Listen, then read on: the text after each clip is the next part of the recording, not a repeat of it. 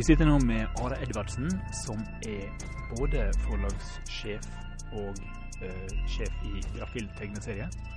Og vi har også med oss en liten stund tegneseriekollega.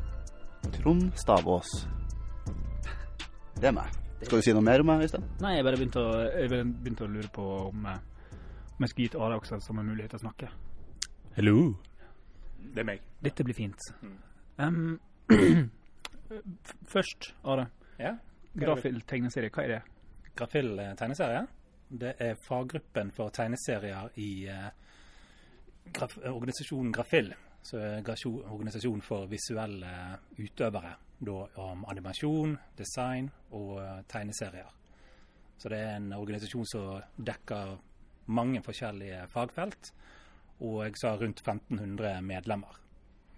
Og vi deler ut òg eh, stipender i eh, oktober-november. Så da må alle huske på å søke hos Grafil, for da kan du gjøre mange forskjellige ting. Du kan søke om stipend til å lage tegneserier, så er det viktigste, selvfølgelig.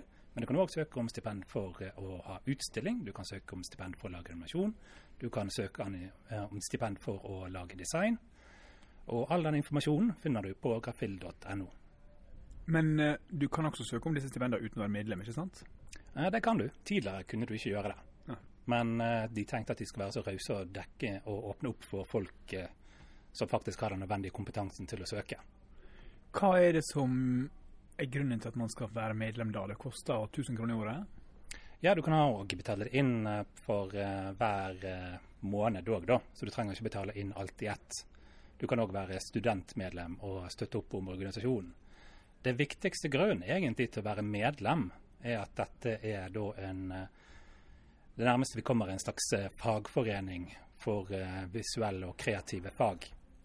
Det er mange forskjellige organisasjoner der ute, men Grafill er den som har hatt eh, tradisjon for å arbeide mest for rettighetene til de forskjellige yrkesgruppene som driver med design. Bl.a. for tegneserier så har vi vært det viktigste for å drive fram først da litteraturproduksjon for tegneserier som finnes i Kulturrådet, der du kan søke om penger til å lage tegneseriebøker. Og så har vi òg vært eh, instrumentell for å for eh, ti år siden få i gang innkjøpsordningen for tegneserier. Så vi har alltid arbeidet for å få økt våre rettigheter som tegneserier, alle de mulighetene vi har som tegneserieskapere til å få finansiert våre prosjekter. Og det er en av de viktigste da, da uh, fag, uh, sånn faglige organisasjoner vi har. Så den viktigste grunnen er egentlig ikke ting du får direkte, men at du er med på å støtte opp og styrke en organisasjon som øker helhetsfeltet, altså kvaliteten på, på støtte helhetlig. Ja, støtten på feltet helhetlig, da. Mm. Så det er Grafill sin uh, hovedsatsing. Og vi har òg da 24 timers tegneseriemaraton, og vi har fagdagen på eh, Oslo Comics Expo. 24 timer er vel du egentlig, mer enn altså, Det ble vel Grafill når du kom inn i Grafill? Det ble veldig Grafill når jeg kom inn i Grafill. Uh, men vi kan jo snakke om det òg. men jeg vil bare sånn introdusere òg litt eh, Trond litt, på en måte. Mm. Fordi eh, eh, faggruppen består jo da av eh, tegneserieskapere som faktisk er utøvere av sitt felt. Og Det betyr at de enten bør være eh, utgitte tegneserieskapere, eller eh, virke på en annen måte innenfor tegneseriefeltet, som profesjonelt. Og da både med utgivelser og da få betalt for å lage tegneserier. Det er for at vi har en faglig basis i tegneseriegruppen sånn at vi kan se på de forskjellige feltene. Det er òg viktig at vi ikke bare har én type tegneserieskapere, men at vi har en stripetegneserietegner, så Therese G. Eide. Og vi har eh, sakprosaforfatter som Jenny Jordal. Eh, vi har humortegneserier, som eh, da Trond holder på med. Og så er det meg, som driver mest med humortegneserier, når jeg lager tegneserier. Og jeg utgir tegneserier. Det har jeg gjort i nesten 20 år. Hvor mange sider har du utgitt? Det har jeg faktisk ikke telling på, men det Det, er det tallet skrev jeg i en sak om deg. Men det, det, det jeg hadde lyst til å si før vi gikk videre, var som følger. Hva er de egoistiske grunnene til å være med i Grafill? Og det jeg vil si, siden jeg også var leder i Grafill, bare for å fullføre den innavlen som dette Kjør på. før Are ved et kupp, et skittent kupp, tok Mm. posisjonen fra meg. Det, alle var eh, udusjet i flere uker. Alle, hæ? Hva er det? Bare veldig skittent kupp. Å ja, sånn skittent kupp. Det var Ja. Utrolig fascinerende metaforblanding. greit. Jeg skal prøve å få til en sånn her story om at du hadde eh, smidd renker og spredd rykter og sånn. Men det var vel egentlig jeg som hadde holdt på i fire år og var, var klar. Litt lei? Litt mindre pågående Engasjert, og energisk ja. enn jeg var i år én, kanskje. Um, som er litt sånn så, Men du har holdt koken. Du har vært lenge nå. Ja da, jeg har jo mål om å øke potten til innkjøpsordningen. Og Ja. øke potten til litteraturproduksjon for tegneserier. Ja. Det er viktig, for det har jeg ikke oppnådd ennå. Og da, dermed så er du fortsatt motivert, fordi Ja. du har ikke nådd Ja, for det har jo skjedd litt uh, de siste årene med Mm. det. Ja. har det jo. uh, som vi har liksom jobba ganske heftig med. Hatt møter med ganske mange Fortell. nøkkel, nøkkelpersoner i, uh, i bransjen. Både som forlag, men også innad i Kulturrådet. Mm. Og ja, åpna opp uh, dialog, debatt, samtaler om det. Og ja, hva er den største endringa som har skjedd nå? Det har jo blitt splitta i fire, har det ikke det? Altså innkjøp, innkjøpet av bøker. Ja, Men potten har jo ikke vært noe mer. Det har, det har vært noe sånn korona... Eh, hva heter det for noe? Eh, Sånn støtte... Ekstrabevilgning, ja. Ja. Det var det som skjedde. Og da fant vi ut at eh, det her det burde ligge summen. Det, det burde være mer. så, så klart. Ekstrabevilgningene var satt oss i den riktige plassen, på en måte. Ja, riktigere, Ja, okay, i hvert fall. Um, men det er ikke nok, liksom. For vi ser at det er ganske mange gode bøker som Jeg kan gi deg ikke blir konkrete tall, da. Altså fra eh, Det hadde blitt kjøpt inn eh, 16 bøker i fjor om det ikke hadde vært for de ekstrabevilgningene. Eh, og i, det har blitt kjøpt inn tror jeg, rundt 22 eller 23 bøker. Og da av eh, over 50 bøker som er påmeldt. Ja. Ja. Kvaliteten på de bøkene som er påmeldt, så er det ingen av de eh, som tilsier at de ikke er gode nok til å bli kjøpt inn. Nei. Så egentlig så burde vi hatt en innkjøpsordning som er nok til 50 bøker eller mer. Ja. Altså, men da hadde vi hatt det, så hadde det sikkert blitt lagd enda flere, kanskje. Ja, det Det, sier seg sjøl. ja. Men uh, Da hadde da hadde vi tatt vare på den tegneseriesatsingen som faktisk er der. ja. Og eh, skjønnlitteraturinnkjøpsordningen den er jo ganske mye større. Da kjøpes du inn hundrevis av titler hvert år. Selvfølgelig ødelegger jeg stemmen min. Jeg, jeg lar Trond snakke mens Ja. Are driver med den ekle ja. hostinga. Er du ferdig med hoste nå? ikke, vi- ikke la han få sjansen. Nei da. Det er ikke det. Um, det, det. Da du spurte meg om jeg kunne krasje podkasten Ja. Jeg gjorde det helt sjøl, da. Men uh, så tenkte jeg at uh, å, det er jo en gyllen eh, anledning, fordi uh, da kan jeg plugge det prosjektet jeg holder på med akkurat nå. Oh. Ja, fordi eh, i dag er det 1. februar. Det vil si det er Hourly Comic Day. Har dere hørt om det? Å ja! For jeg, jeg kom over det i fjor og tenkte mm, det vil jeg prøve. Så jeg har markert den i kalenderen min. Og jeg prøvde å poste et innlegg om det på noen eh, Facebook-grupper vi er medlem av. Ja. Om en, når vi vil være med på Overly Comic Day, som basically går ut på at du skal lage én tegneserie hver time i løpet av en dag. Litt sånn som 24-timers tegneserie. Ja. Eh, folk syntes det var en veldig dårlig idé. syntes det hørtes veldig grusomt ut. Ja. Men eh, jeg har holdt koken både i går og i dag, faktisk. Så jeg har dokumentert hele gårsdagen og i dag. Ja. Så tenkte jeg ja, men eh, hvis jeg skal på en podkast, da kan jeg i hvert fall tegne om noe annet enn at jeg skal på kontoret. Ja. Tegne om at du Yes. Så jeg skal tegne akkurat det vi snakker om nå, Kult. faktisk. Ja. Så eh, bare vise Her er jo ikke audiovisuelt i det hele tatt, men her er jeg tegna, ikke sant, i dag. Klokka 11. kamp mot klokka. 11.00, kamp mot klokka, sitter og jobber mot deadline, ikke sant. Og så har jeg lunsj med de to damene som jeg deler kontor med. Så neste rute, det må jo bli at jeg og Are er på grafilmøte. OK. Ja. Du tegner i skissebok. Skanner du den boka rett inn? Nei, jeg tar bare bilder med telefon og redigerer og legger ut på Instagram. Gjør du det alltid? At det går rett fra foto til Eh, nei, bare nå, ja. OK. ja. Ja. Som regel jobber jeg digitalt. Nå bare for å få Ja, okay. ut et eller annet. Ja. Ja. Så det er ganske heftig, heftig øvelse. Nå, nå, nå har jeg prøvd å fiske oss fram til en ting som jeg syns var veldig viktig med Grafilmedlemskap. Det var at du har to timer gratis advokathjelp hver gang du har en konflikt. Ja, det er helt glemt, men det er kjempeviktig. ja. Jeg har jo til og med brukt det sjøl. ja. Um, og det er jo det er jo ganske gyllent. For 1000 kroner i året så er det en ganske bra ting hvis du plutselig kommer i en konflikt med eh, forlag, eller med Geir Moen, som tegner boka di, eller med Som du alltid gjør. Ja, for det er hvis du skal gå til rettssak, eh, sak, søksmål mot eh, Geir Moen for Ja. et eller annet, så koster det jo minimum 3500 kroner per time for Ja. advokat. Mm. Så da er 10 000 kroner i året for eh, å ha to timer på hver sak du skal saksøke noen på, ganske bra. Da anbefaler jeg å kanskje opprette mange forskjellige saker mot Geir Moen, så du får nye to timer med Grafils advokat. Mm. Sånn at du kan chippe ned Geir Moens kondisjon, som er ganske Uh, Det er ganske robust. robust. Ja, han er Jeg tror, jeg tror vi er nødt til å organisere en svær Facebook-gruppe som saksøker Geir Moen for mye. Ja, hvis vi sammen, hvis vi slår oss sammen Mm. uh, for å knuse Geir Moen så Ja. Så det er nøyaktig det Han er, også, han er også en tidligere leder av Grafil tegneserie. Mm. Og han Vi er glad i deg, Geir. Vi glad i Ja. Og vi har laget, jeg og han har laga to bøker. De fire store bok én og bok to. Så jeg skal ikke egentlig saksøke Geir Moen. Men kanskje. Og en Ja, ting- skal ikke lukke En ting døra. til da med, med Grafil som er veldig fint, det er jo at det er masse forskjellige faglige arrangement som man da får gratis inngang til som medlem.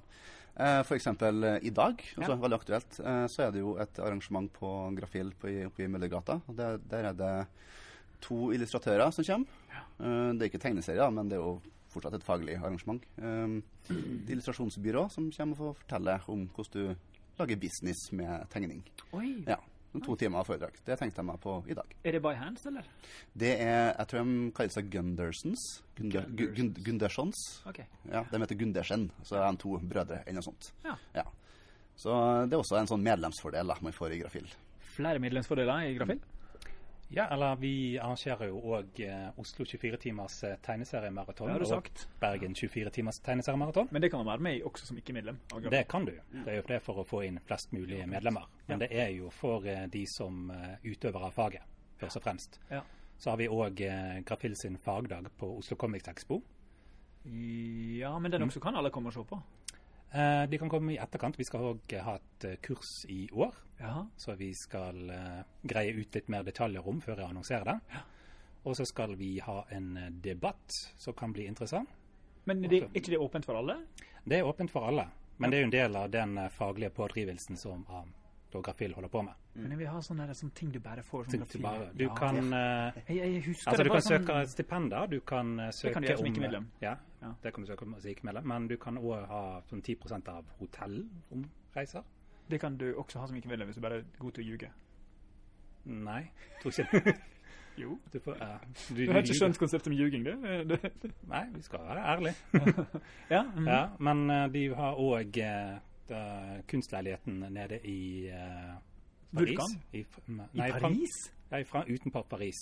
Her har Grafillen-leilighetene nede i Paris? Nei, men de eh, har en eh, leilighet som du kan søke på to ganger i året, da. Så de Ja. er litt sånn Det er sånn det er litt sånn Airbnb. Men da sier du at du har et studieuthold, og du skal gjøre noe konkret der Mhm. eh, i en uke eller to. Og så kan du da få låne den eh, leiligheten. Det har de hatt ganske eh, lenge, så jeg skjønner ikke hvorfor Ja. du ser så overraska ut. Jeg, jeg, jeg hørte om leiligheten vi har, Grafil hadde nede ved Vulkan. Ja, de har den på Vulkan òg, ja. Ja. Den eh, kan man leie ganske billig, har jeg Ja, hørt. ja. Um, Den er, ja, hvis det er store ting, hvis det er Oslo Comics, så er det ofte tatt. da, Ja, det så må sikkert være ute i god tid. Ja, det må det være Ja. Hvis det skjer noe, liksom. Så Ja. Så, jeg, men jeg har hørt at den er ganske populær å leie der blant medlemmene, så må være litt på hugget der, ja. Men det er ikke skambillig. Det er jo, koster jo litt. Ja. Serieskaperbudsjett. Tror ikke Jeg skal husker ikke nøyaktig hvor mye det er. Liksom, eh, Billigere enn hotell. Ja, men ikke billigere enn å for eksempel sove på senga til Geir Nei, det er det ikke. Nei. Hvor mye Men Geir Moen er jo litt utenfor Oslo, da. Ja. Og du trenger ikke sove på hans seng. Nei, jeg bor jo i Oslo, for så vidt. Ja. Ja. Men andre? Men hva tar Geir Moen uh, per natt? Nei, han tar Det er en, en pris som ingen orker å betale. Vi snakker ikke høyt om den. Ok, nei, da så. Mm, du selger sjelen din. ja, ok. Em, Nei, men altså andre fordeler. ja. Ja. Eh, Du får 10% på Tegne, Cam. ja, på Cam og Tegne.no og Ja. Christian Ingebretsen. Mm. Og også Lushdive her oppe på Birkelunden. Hæ, er det sant? Ja, hvis du sier det, hvis du spør pent. Er du, Og jeg var der forrige uke og handla. ja, hva har du kjøpt på Lush? Du, jeg har kjøpt sånn um, um, eh, De mangaka-pennene som du anbefalte meg. I hver eneste episode av denne podkasten, ja. Ja, ja, ja, ja, jeg har den, jeg har den i lomma. Ja. Eh, andre lomma. Denne podkasten er fortsatt faen meg ikke sponsa av Zig Mangaka. det. Ja, den er så, så nydelig å tegne med. Um, og så kjøpte jeg også sånn, du vet, sånn knott som du kan ha på uh, så, Sånn gummiknott du kan ha på penna for å få bedre grip. Å ja, sånn rundt? Sånn Ja. hull i? Ja, uh, det kjøpte jeg. Jeg kjøpte fire av dem okay. for å ha dem på iP- iPad, altså Apple Pencil. Ja. Så de er litt mer behagelige. Så Har dere sett episoden av Manben, Naoki Urasawa sin manga-tegner-videodukku? nei.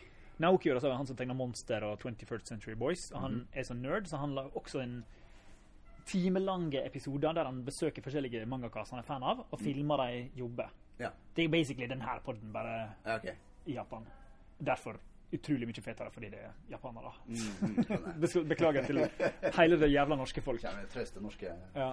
Um, og Naoki Nei, og, og Junji Ito, som alle digger. Det er jo galskap å ikke like Junji Ito. Som var i Angolem. Var noen av dere i Angolem? Nei, Nei, nei det var var det ikke. ikke. Nei. Var du i Angolem? Jeg var ikke i Angolem, og jeg var ganske gira, men jeg var så sliten etter en sånn leilighetssalg og drit og styr. Og så, og så fant jeg ut litt sånn at også Ryochi uh, Ikigami, han som tegna Sanctuary, som er en av mine favorites på den der eh, litt tacky um, 80-talls gangster-yakuza-manga-sjangeren, Mm. med unødvendig nakenhet, han var også der. Og han er jo 80 år, så det var sånn Faen, det, det skulle jeg. Ja. Men gikk glipp av det. Men ha, eh, eh, Junji er jo egentlig tannlegeutdanna, naturligvis. Ja, interessant. Ja, er, det, er ikke det en velsignelse at ingen trenger å ha han inni munnen sin? hvorfor, ja. Hvorfor har du satt alle jekslene mine i en sånn stor spiral bakover i ganen? It's nice. Men han bygger sånne, sine egne sånne tegneverktøy for å liksom kunne holde ut og tegne i en million timer i døgnet. Ja. Tror han har liksom samme fascinasjon. Det altså, kom litt fra tannlege... Ja, han sier det. Han bruker, Ja. han bruker teknologien han lærte som tannlege. Teknologi, ok. Eller. Håndverket fra tannlege over til Ja, sånn, tegneserie. ver- sånne, Ja, ja, men det er jo altså, tegneserie og tannlege er jo pirkejobb, da. Altså, Bokstavelig talt. ja, og korrelerer med depresjon. Ja. og smerte. Ja. Eh, tannleger er ganske eh, tungt deprimerte yrkesgruppe. Det er voldsom investering for å begynne. Du kjøper Ja. all den driten. Ja. Og så er du stygt med å være tannlege. Og hvis du da oppdager at du hater å være tannlege, så er du virkelig fanga i det. Mm. For da har du Jeg har jo bodd med en tannlegestudent da, Ja. i Bergen. Eh, Og eh, det som var litt skremmende der, var jo det at eh, de fleste av disse tannlegene kommer fra tannlegefamilier. ja. Og de dater nesten utelukkende andre tannlegefolk. okay. Og dette har jo gjort i ganske lang tid. Oi. Jaha. Ja. Fra sånn middelalderen? Eller? Sikkert middelalderen. Det er da de hadde tannlegeutdannelse i Bergen. Da det startet. Ja, den første tannlegen, Olav Sledja, Ja. faktisk. Mm. Så giftet han seg med datteren sin og fikk enda en tannlege. Som Oi, Mm. wow. Nei, men i hvert fall eh, tannleger, ja. Interessant. Men eh, ja, jeg var overrasket over nøyaktig hvor eh, sammensveiset de var. Ja, det var veldig sammensveiset. På Mm. en uh, sketsjy måte. Ja. Men da har vi funnet nok grafilting. Jeg tror det. Ja.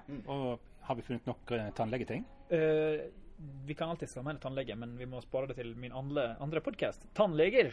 Ah, Hva vet du om de? Ti millioner episoder ligger på Spotify. Der har jeg bare snakka med forskjellige tannleger i en time Ja. hver dag. altså, jeg tror ikke det hadde vært så ille, egentlig. Resten av mitt liv. Altså, det finnes jo pod om alt. Ja. Det gjør det jo. Så det finnes sikkert allerede. Det finnes podkast om skjegg. Det har vi jo alle Ja, tre, så så det kunne vi Ja, ja, ja. bare tatt en Ja. naturlig Det segway. en- Er det en- Skjeggmenn-podden, eller? Sjokkerende Ja. nyhet eh, i dagens eh, episode er at eh, Trond har mista snurrebarten sin og blitt Ja. en helt vanlig norsklektor. Ja, helt, helt vanlig skjegg. Ja. Ja. Veldig kjekk, da. Det var eh, sjokkerende. Ja, men Trondebart er død. Ja, men, eh, men eh, altså, det er mye jobb i en bart, Ja. og må legge liksom energien min i andre ting. Så, eh, men altså, den kan få en comeback. Ja, OK. Skal ikke utelukke noe. Nei, skal ikke det. Um, Men da blir det skilsmisse. Det er det som er det, det skumle. Leke milden der. kan jeg, før du Nå må Trond gå, ser jeg. Men, Ja, jeg må, jeg må jobbe. men Are. Eh, Uberpress. Da, Da sier vi farvel, Trond. Ha det bra, Øystein. Ha det bra, Are. Um, da skal jeg tegne dere, faktisk. Yes. Yes. Kult. Så ser dere på Instagram etterpå. Vi skal videre til eh, neste sekvens, som er. Uberpress. Hvordan kommer man inn i Uberpress?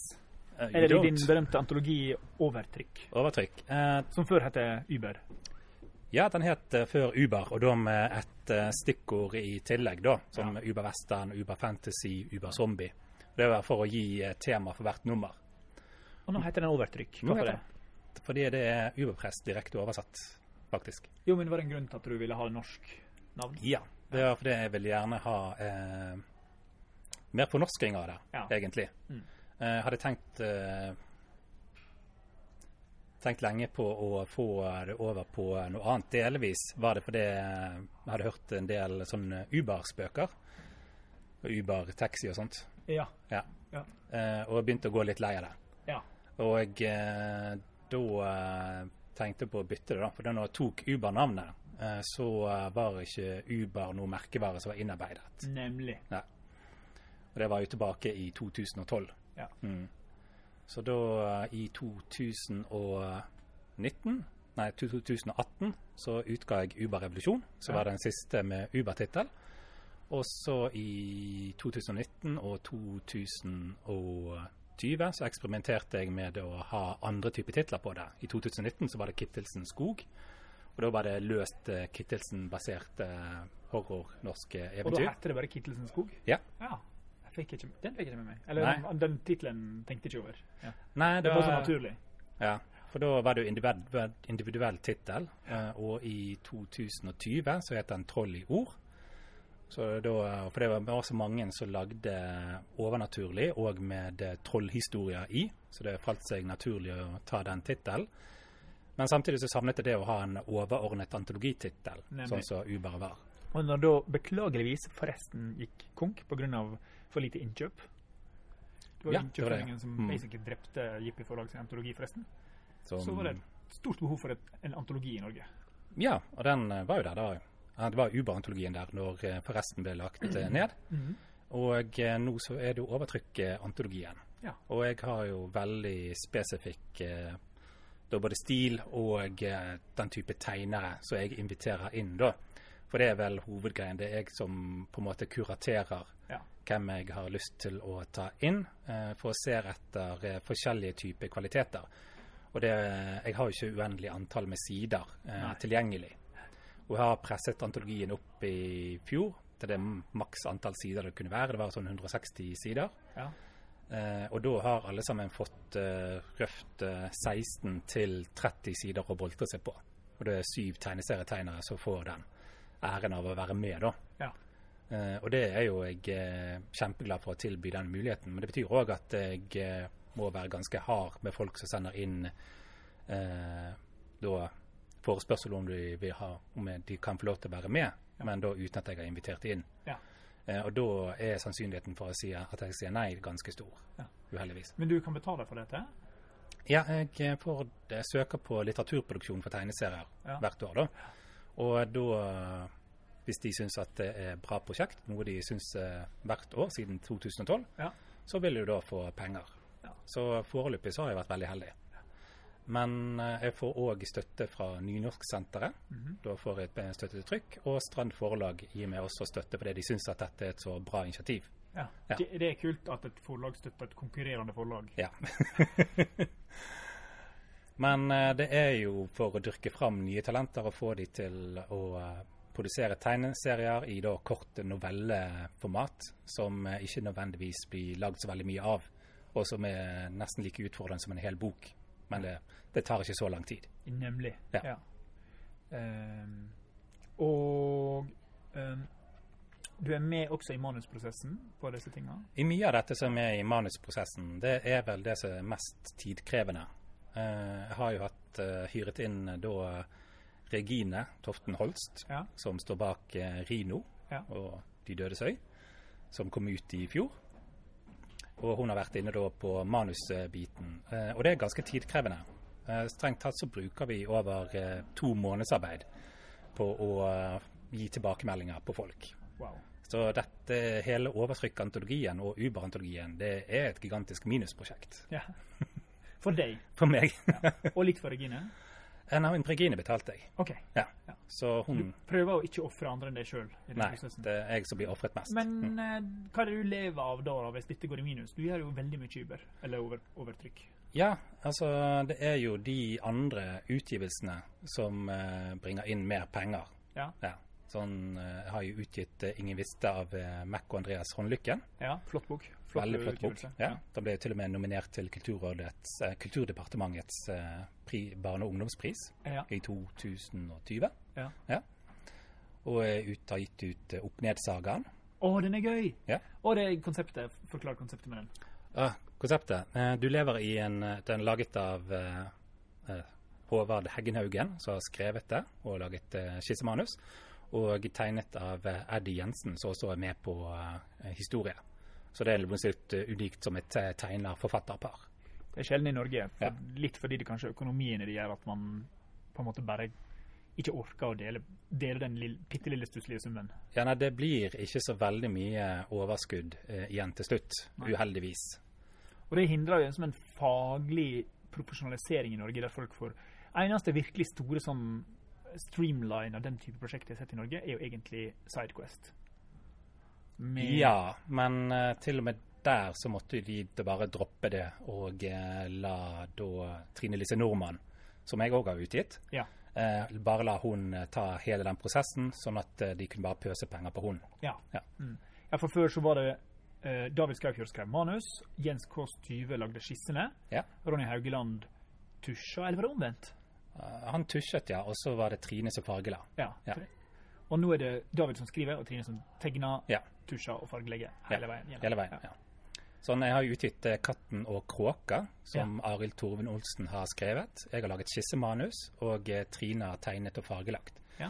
Men eh, da i søknadsprosessen så har vi jo egentlig bare pøst alle mulige penger på Trine. Ja, dere begge forstår at det er hun som jobber mest, på en måte. Ja, i sluttproduktet så er det hun som fullfører hele greien. Så da har jeg hjulpet henne med å søke til Illustrasjonsfondet, så hjulpet henne med å søke til Grafill, og Arild har hjulpet til med å søke på diverse nynorskstipender. Alt bare for å, at hun skal ha penger nok til å fullføre eh, 'Katten og kråka'. Ja. Og den var jo så heldig å bli nominert til årets eh, tegneserie i fjor. I hvilken Det er ingen kategorier, det er bare årets tegneserie. Men hvilken eh, Hvem som deler ut da? Er det Da er det Deichman som deler ut den eh, prisen, Ja. altså serieteket med Oslo Comics Expo. Og da er det Deichman, eh, Grafill og eh, Tegneforbundet og Tromsmo som hver spytter i 10 000 kroner for at det skal være én premiepott på 40 000 kroner. kult? Ja. Hvem vant det året? I fjor uh, så var det Jeg husker ikke alle de nominerte. I hvert fall Nora Dåsnes, hun var der. Eh, og eh, da Lene Ask eh, var ikke der, men det var hun som vant. Å ja. Hun vant på, på, på walkover, nei, på, på avstand. Ja. Så har ikke jeg fått, fått henne til å møte opp. Ja, ja. Så det var jo veldig hyggelig for uh, Lene Ask. Ja. Uh, og Nora hadde jo laget uh, 'Ubesvarte anrop', en bok som virkelig tok tempen på det tiårsmarkeringen for Utøya-drapene. Mhm. Så det var jo en, en bok som er veldig flott, veldig aktuell, og definitivt har det markert seg som årets tegneserie. Det vil jeg si. Ja. Og det var veldig hyggelig å, at 'Katten og kråka' ble nominert eh, sammen med Nolore. Ja, med to så gode Ja. ja. og flere gode. Mm. Mhm. Ja, det er kult. Jeg beklager til de to andre jeg ikke husker No. Sånn er det. Det var sikkert, det var sikkert meg altså, jeg glemte sjøl også. Nei, jeg hadde, jeg hadde ingenting til å gjøre. Mm. Um, Men altså, det er mye av mitt arbeid det går til eh, det redaksjonelle. Jeg har ikke eh, heidundrende stor lønn, så det er som mesteparten av min energi og sånt, det går bare til å drive forlaget og prøve å få inn penger til disse prosjektene. ja. Men du får heller ikke lønn for å være grafilleder. Nei, jeg får ingen kompensasjon for å være graffilleder. Det vet jeg av erfaring. Ja. Mm. Eh, men hva er det du lever av? Lever veldig billig OK, Ja. i Bergen. i Bergen. Mm. Ja, nei, det, Dette er et litt sånn vanskelig spørsmål som jeg eh, som, Noen syns det er litt rart at jeg drar opp Hva er det. Økonomi? Nei, økonomi, ja. Ja, men det er jo viktig, da. Jeg syns det er forferdelig viktig. Ja. Og jeg syns det er viktig å fordele liksom akkurat hvor, hvor utrolig sånn havregryn og vann vi holder på for å få lage de mest mulig greier for fellesskapets forhåpentlige nytelser. da. Ja, eh, jeg hadde nok tjent mye mer hvis jeg tok en annen eh, karrierevei, da. Ja. Ja. Og jeg, en av grunnene til at jeg er i er selvfølgelig fordi jeg jobber for innkjøpsordningen, at jeg skal få mer penger inn der. Ja. Eh, og en av grunnene til det er at eh, mye av den norske litteraturen vi har i dag, hadde ikke eksistert med mindre det hadde vært for Kulturrådet og de forskjellige innkjøpsordningene. Og det f.eks. stripetegneseriene slik vi kjenner de i dag, hadde ikke eksistert om det ikke hadde vært for Kulturrådet, som opprettet eh, da en støtteordning for tegneserier, altså da er litteraturproduksjon for tegneserier tilbake på starten av 90-tallet. Ja, Frode Øverli har jo tre unger. eller Han hadde det da han begynte med Pondus. Ja, nå er de borte. Er de borte? I hvert fall flyttet ut. OK, ja, sånn, ja. Men, men han, han, hadde nok, han var nå helt avhengig av uh, at det skulle lønne seg, da. At det skulle Ja. være safe. Ja. Mm. Og vi hadde ikke hatt Pondus, antakelig. Eller gudene veit, da. Ja, nei, Pondus, altså Vi hadde ikke hatt Pondus hadde ikke vært for Håkon Strand. Og, eh, og støtter altså, litteraturproduksjon for tegneserier, som eh, direkte støttet eh, de norske tegneseriebladene. Mm. Sånn som Pyton, og eh, så var det Ernie, og så Pondus til slutt. Så hele den tegneserierevolusjonen som vi hadde for 20 år siden, den er av det. Ja. Nå er det jo kanskje litt vanskelig å, å, for, for folk å liksom relate tenkes det synd på Frode Øverli som sitter med 100 Um, millioner. Men, Han har det bra. men eh, Alltid dripper jo nedover. Nei. trickle down, trickle down! Nei. Nei, Nei, altså, nei, nei. nei men, eh, men det har jo Det må jo funke for uh, veldig mange for at vi skal få liksom noen sånne Det er et felt der det må være rom for å prøve og feile. Jobbe Ja, to år. altså, men jeg kan jo like godt uh, spørre deg, da. Ja. Du er, din hovedinntekt er jo ikke av å lage tegneserier. Så hva lever du av da? Ja. ehm, eh, snakke, foredrag, kurs, Mm. ting. Um, og så av og til så har jeg en tegneserie ute, og da er det liksom bra. Så Da er det mye press på det? Nei, da er det, da er det jo um, eh, Det er jo bra å komme med tegneserier, men det er tryggere med nesten alt annet. Fordi det er liksom Fast inntekt? ja, Ikke fast, men det er iallfall Det er mer umiddelbart. En tegneserie tar veldig lang tid, Mm. og så gir du den ut. Og så Ja. skal du helst få en eller annen sånn stort forskudd for det, hvis du er heldig. Mm. Og så får du forhåpentligvis holde turné og, og presentere det på forskjellige skoler og bibliotek.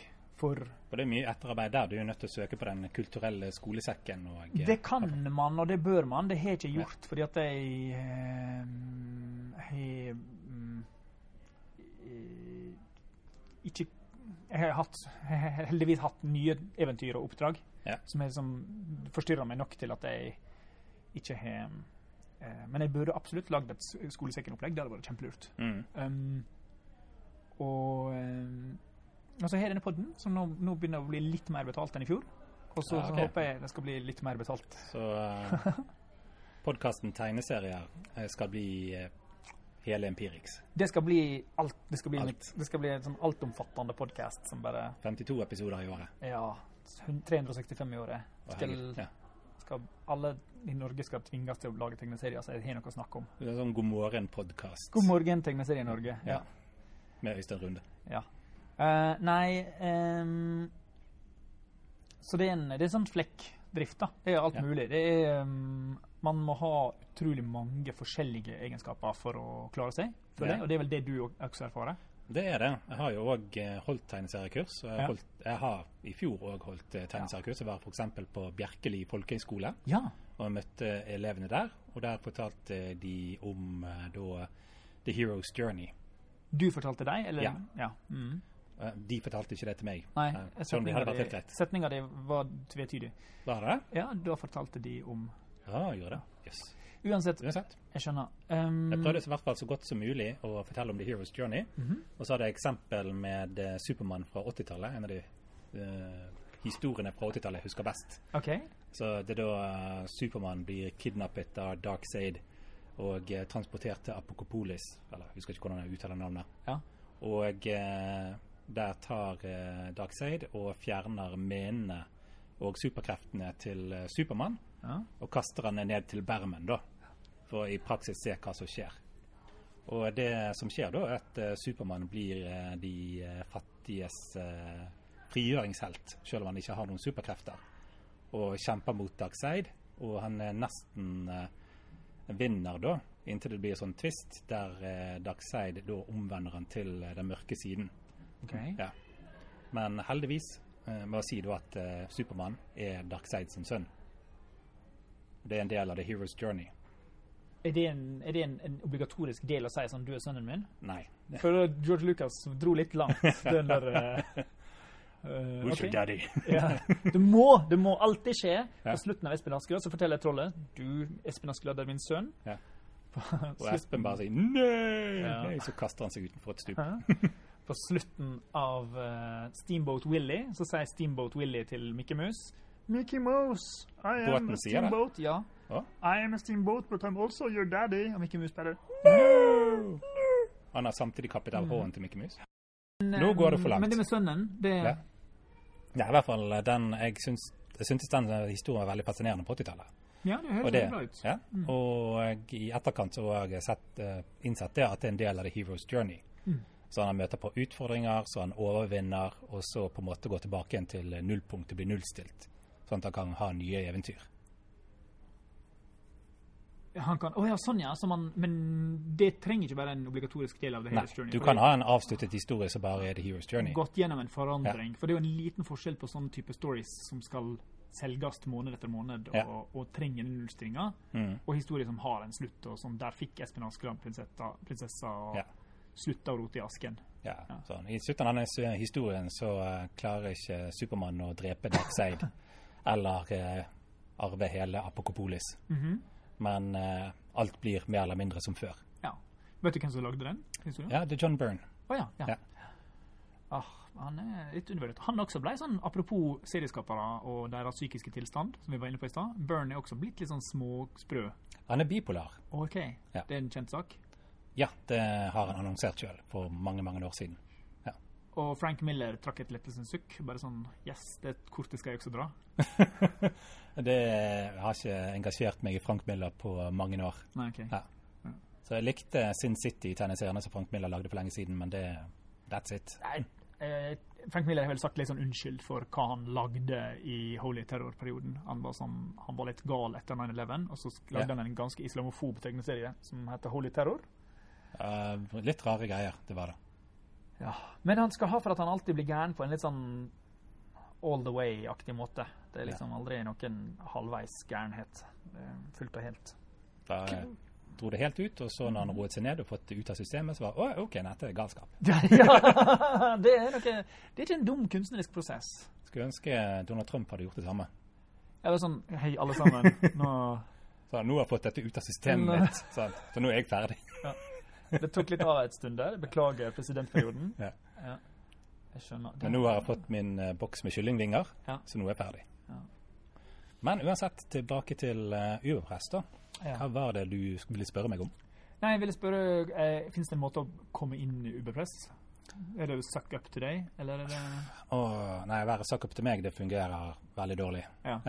Eh, Det er mye jeg som eh, leter etter de prosjektene som jeg syns er bra. Ja. Mye av grunnen til at det startet Uberpress, eh, var jo det at det var eh, nesten ikke noe eh, produksjon av den type tegneserier som vi har nå. Det var nesten ingen, det var absolutt ingen eh, Nordlys, eh, Ragnarok, sant? Dragens øye. Ja. Hele den eh, tegneserieeksplosjonen som har skjedd siden 2018, Som man kaller Nordic manga. manga, ja. Ja. Den fantes ikke i 2012, og jeg syntes det manglet. Så ville jeg lage et forum der vi kunne lage den type tegneserier. Og det var jo et naturlig tilskudd til tegneseriefloraen, akkurat som Forresten-antologien var. Så det var liksom Forresten-antologien som var litt om kunstneriske tegneserier. Ja, men litt mer i Galago, Crumb, Ja. eh, eh, svart-hvitt Eh, 60-talls. de som hører på, vet naturligvis ikke hva Galago er, så kan du forklare det? Det, ja, fordi jeg skulle forklare Jippi forlag og forresten Og så dro jeg inn en parallell til et svensk antologi som sikkert er enda mer ukjent enn Jippi og forresten. Og så er vi like langt. Ja. Er det du insinuerer? Ja. Mm. OK, svart-hvitt tegneserier om folk, eh, gjerne gutter, som sitter på en bar og snakker om livet og depper litt. Laget av eldre menn. Laget av menn i 40-åra med splittpenn. Ja, Splittpenn. Splittpenn. Splittpenn. Eller sprittusj. Sprittusj? Nei. Jo. Hvem som lager med sprittusj? Jeg tror den der En gang var vi samer. Laget med veldig tykk eh, tusj. ja, Mats Jonssons nye bok 'En gang var vi, Da vi var samer'. Da vi var samer. Eh, leser den akkurat nå. Um, den er tegna med et eller annet litt primitivt og brutalt verktøy. ja. Mm. Og det ser jo ser veldig brutalt ut. ser utrolig brutalt ut. Og det, det funker av en eller annen merkelig grunn. Men det er jo fordi For han er konsekvent på det, da. det er en slags ikke-estetikk. Det er sånn, Ja. vet du hva, Drit i den eh, stiligheten som du er så opptatt av. Nå skal du høre litt sannhet. Jeg tror det er det liksom Ja, det, dette, er den, dette er så bra som det blir for hans del, men det er ikke så viktig. Ja. han eh, kan drive et narrativ. Ja. Og han er bra på å ikke drukne bildene sine, eller rute, sidene sine i for mange ruter og sånt. ja. Så det går an å følge med på historien. Mm. Og han har en veldig konkret historie òg å fortelle. Det Det er det. veldig morsomt med disse her forskjellige retningene man kan dra i. Anders Kvammen er jo samme leia. Mm. Uh, detaljerte og på en måte narrativfokuserte tegneserier. Ja. Eh, med mye. Men Anders eksperimenterer litt mer med farge og altså litt mer sånn eh, Kanskje du burde gå inn på eh, PC-en hans og bare slette Photoshop. Kvommen? Ja. Hjelper ikke, han gjør det i Procreate. Oh no. Liker ikke du at han jobber i farger? Eh, jeg tror det mangler noe essensielt der. Når Anders jobber i farge? Ja. Å ja. Mm. Ne nemlig grunnen til å gjøre farge? Han er ikke så flink på farger. Oh, ja, sånn. Jeg tenkte det var bare litt sånn et friskt pust. jeg. Det var Ja. sånn uh, Men det, det, det, det er jo ikke Det er jo på en måte bare Ja, hva du syns om mine farger, da? Jeg, sliter, jeg syns det er vanskelig med farger. Uh, jeg ser at du er best på svart-hvitt. Ja. ja, diplomatisk. Men jeg syns jo det er fantastiske svart-hvitt-tegninger, da. Så du har et uh, naturlig øye.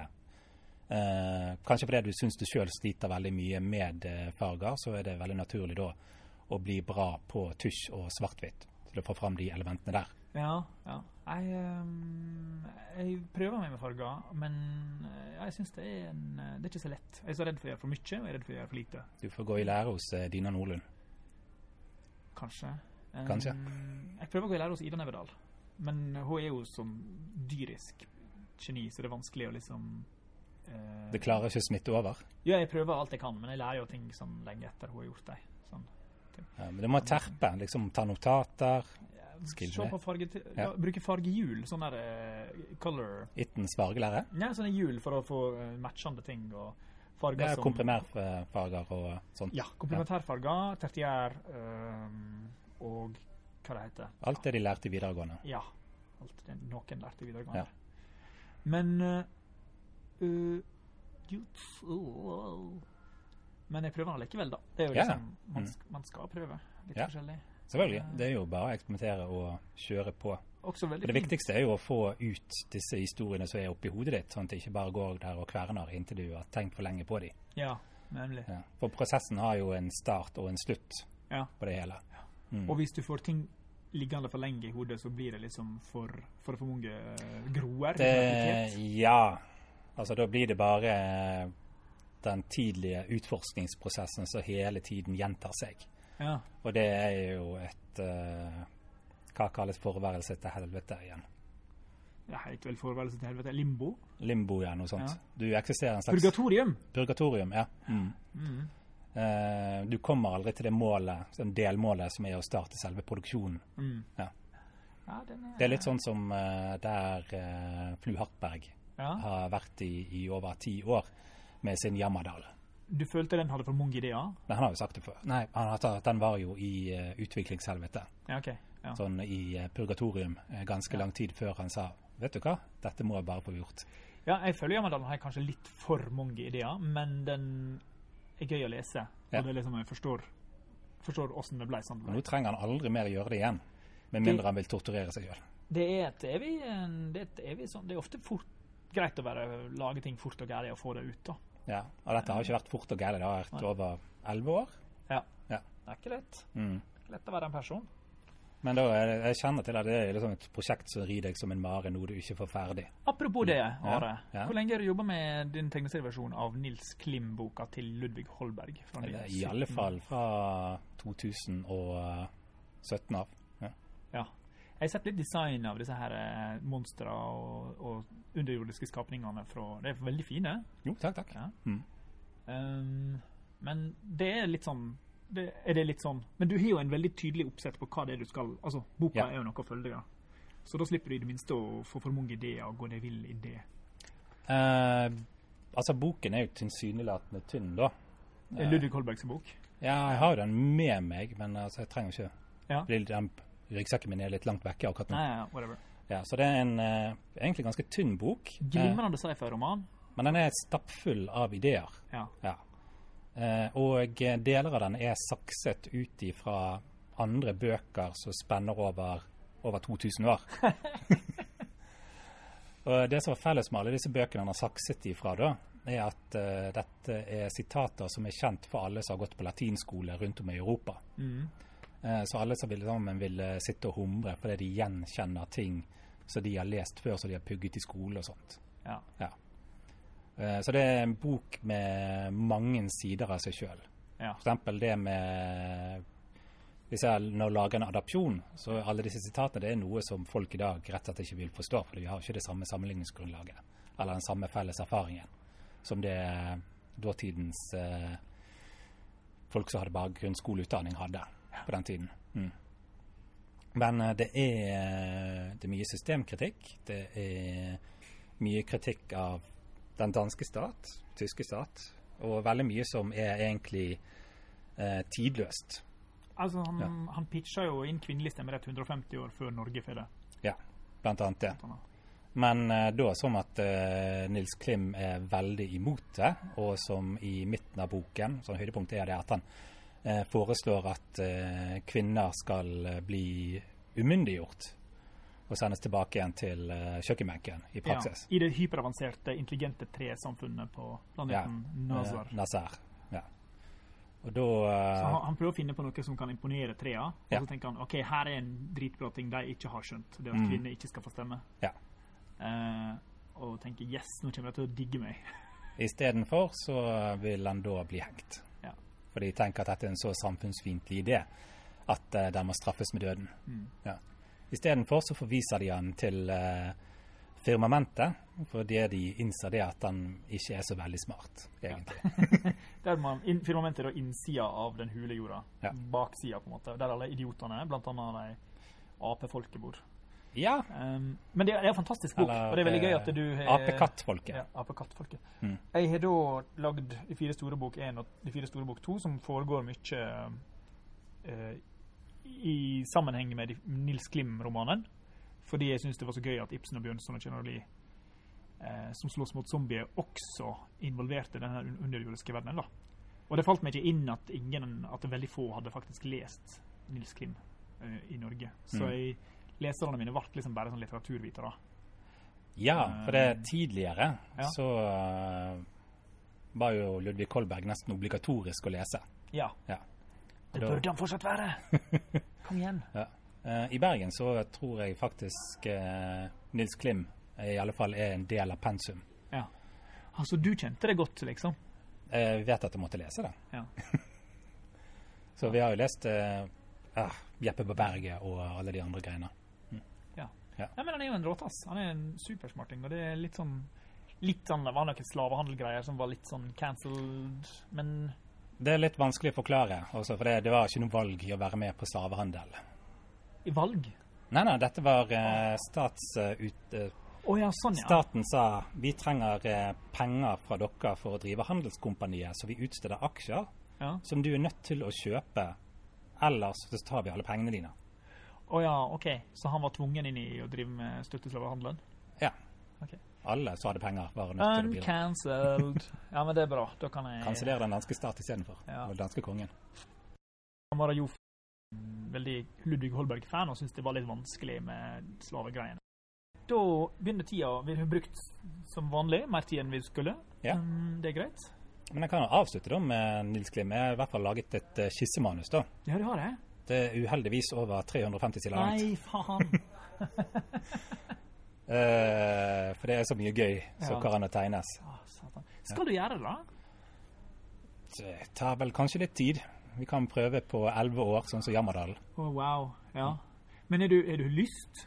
Eh, jeg har ganske lyst, men det er så mye annet som, som å drive forlag som distraherer meg. Å være sjef i Grafiell tegneserie. Mm. Men har du tenkt over om du kunne eventuelt få noen andre til å tegne det ut ditt manus? Jeg tror ikke noen som uh, har lyst til å tegne det for en slikk og ingenting. Nei, nemlig. Ja. Ja. Og det er det du kan tilby Ja. Mm. Det er jo et eksempel på hvor mange Og dette er jo et historisk Altså, dette er jo en tegneserie som burde vært i alle bibliotek i Norge. Fordi den virker som du har gjort leksene på research, og det virker som du har gjort de litt vanskelige tinga, latintinga, mer forståelige. Det virker som om du har tenkt gjennom hvordan du skal eh, få, hjelpe folk med å forstå referansene. Har jeg inntrykk av? Ja, jeg prøver. Det er en litt gåte å forstå referansene der, eller Ja, prøve du- å få det til. Du kan ikke alle, men du har Nei. satt deg inn i det akademiske. Ja da, det er, er bøker der ute som eh, eh, ramser opp alle referansene per side. Nemlig, ja. Ja. Å ja, såpass, ja. ja. Jeg husker det var mye latin i den. og Jeg bare hoppa over det. bare sånn, Ja, her snakker han latin, whatever. Ja. Altså, det går jo fint an å følge storyen uten å vite hva som skjer når han babler i vei på latin. Det går. Men det er klart det er kult. Uh, men du har ikke tenkt å kutte i det, lage en 100-siders i stedet, liksom? Det ikke Det blir veldig vanskelig. Ja, OK, skjønner. um, kan man gi ut sånn fem, fire bøker, liksom? Ei bok i året? Eh, sett på det. Det, er liksom, det går an å dele det opp i to bøker. Ja, Det er en på planeten Nazar og på eh, firmamentet. ja Og det er to forskjellige historier. Ja, det er det. Mm. Ja, Men ikke mer? Det blir eh, Det blir veldig vanskelig. Altså, Ja, blir på det. Jeg har sett på det og deler det opp i sånn eh, 64-siders eh, fransk albumformat. Ja. Eh, men det blir ingen naturlig cliffhanger eller slutt på hvert album. Ja, nemlig. Mm. Har du um, Tenker du at norske tegneseriestøtteordningen burde ha vært lik, likestilt hvis man lagde tingene sine på engelsk, sånn at man kunne utnytte det i internasjonale markedet? Type Jason han har jo lagd tegneseriene med norsk støtteordning, men de er jo språkløse. Dermed så hadde han egentlig hele verden klar Smekk. Uh, på de tidlige greiene sine. Ja, sånn vent litt og sånt. Mye av det er jo språk, språkløst. Mm, en del av det. Altså De nyere greiene har jo mye Har jo tekst i seg Ja, men da var han allerede etablert internasjonalt. Ja, men han hadde jo som mål det å dra til Frankrike og bli tegneserietegner der. Mm. Så jeg ser ikke helt at det er eh, relevant, for du har så mange forskjellige sjangre. Du har de tekstløse, som Jason driver i, Ja. men alle kan ikke drive med det. Nei. Sant? Og du, alle kan ikke drive, eller ganske mange flere kan drive med det tradisjonelle, sånn som Malin Falk gjør. Ja. Og lage en lengre episk serie som engasjerer eh, unge mennesker og sånt. Skal ikke undervurdere Malin sin eh, innsats i å gjøre tegneserier eh, norsk tegneserielitteratur og norsk kultur tilgjengelig for eh, da, norsk ungdom. Eh, så du må respektere det at det er forskjellige innfallsvinkler her. Og eh, Kulturrådet er her først og fremst for å ivareta norsk språk og norsk kultur. Ja. For det er veldig viktig. Vi er kun røft fem millioner innbyggere.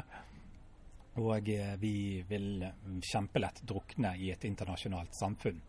Det å ha litteratur tilgjengelig på engelsk eh, vil være et naturlig tilskudd eh, til norsk, men det er ikke sånn hovedfokusområde. da har du sånne oversetterorganisasjoner, sånn som Norla, Ja. som fremmer norsk litteratur i utlandet.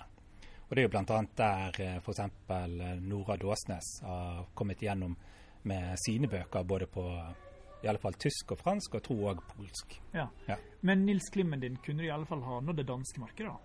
I alle fall dansk. Ja. Og jeg tror østeuropeisk òg. OK. Ja. Hvorfor det? Eh, for under eh, sovjetperioden, eller om det var østblokkland da, under Ja. kommunistregimet, eh, så var eh, Nils Klims eh, og den, den sin underjordiske reise, den var en del av den litteraturen eh, som var veldig system, systemkritisk, og de fant mye som de kjente igjen i de autoritære kommunistiske regimene.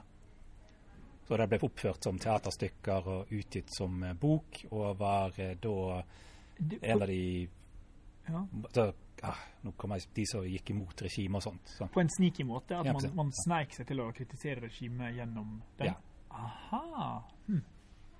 Den, der, eh, den der tradisjonen med å på en måte knabbe sånne klassikere for å få sagt noe som man ikke har lov å si, det er ganske spennende. Ja. Mm. Man merker også et dukkehjem har vært ganske mye eh, hot Mm. i India, har jeg forstått? Ja. Herregud, den er jo òg referert i Bojack Horseman. OK. Ja. mm.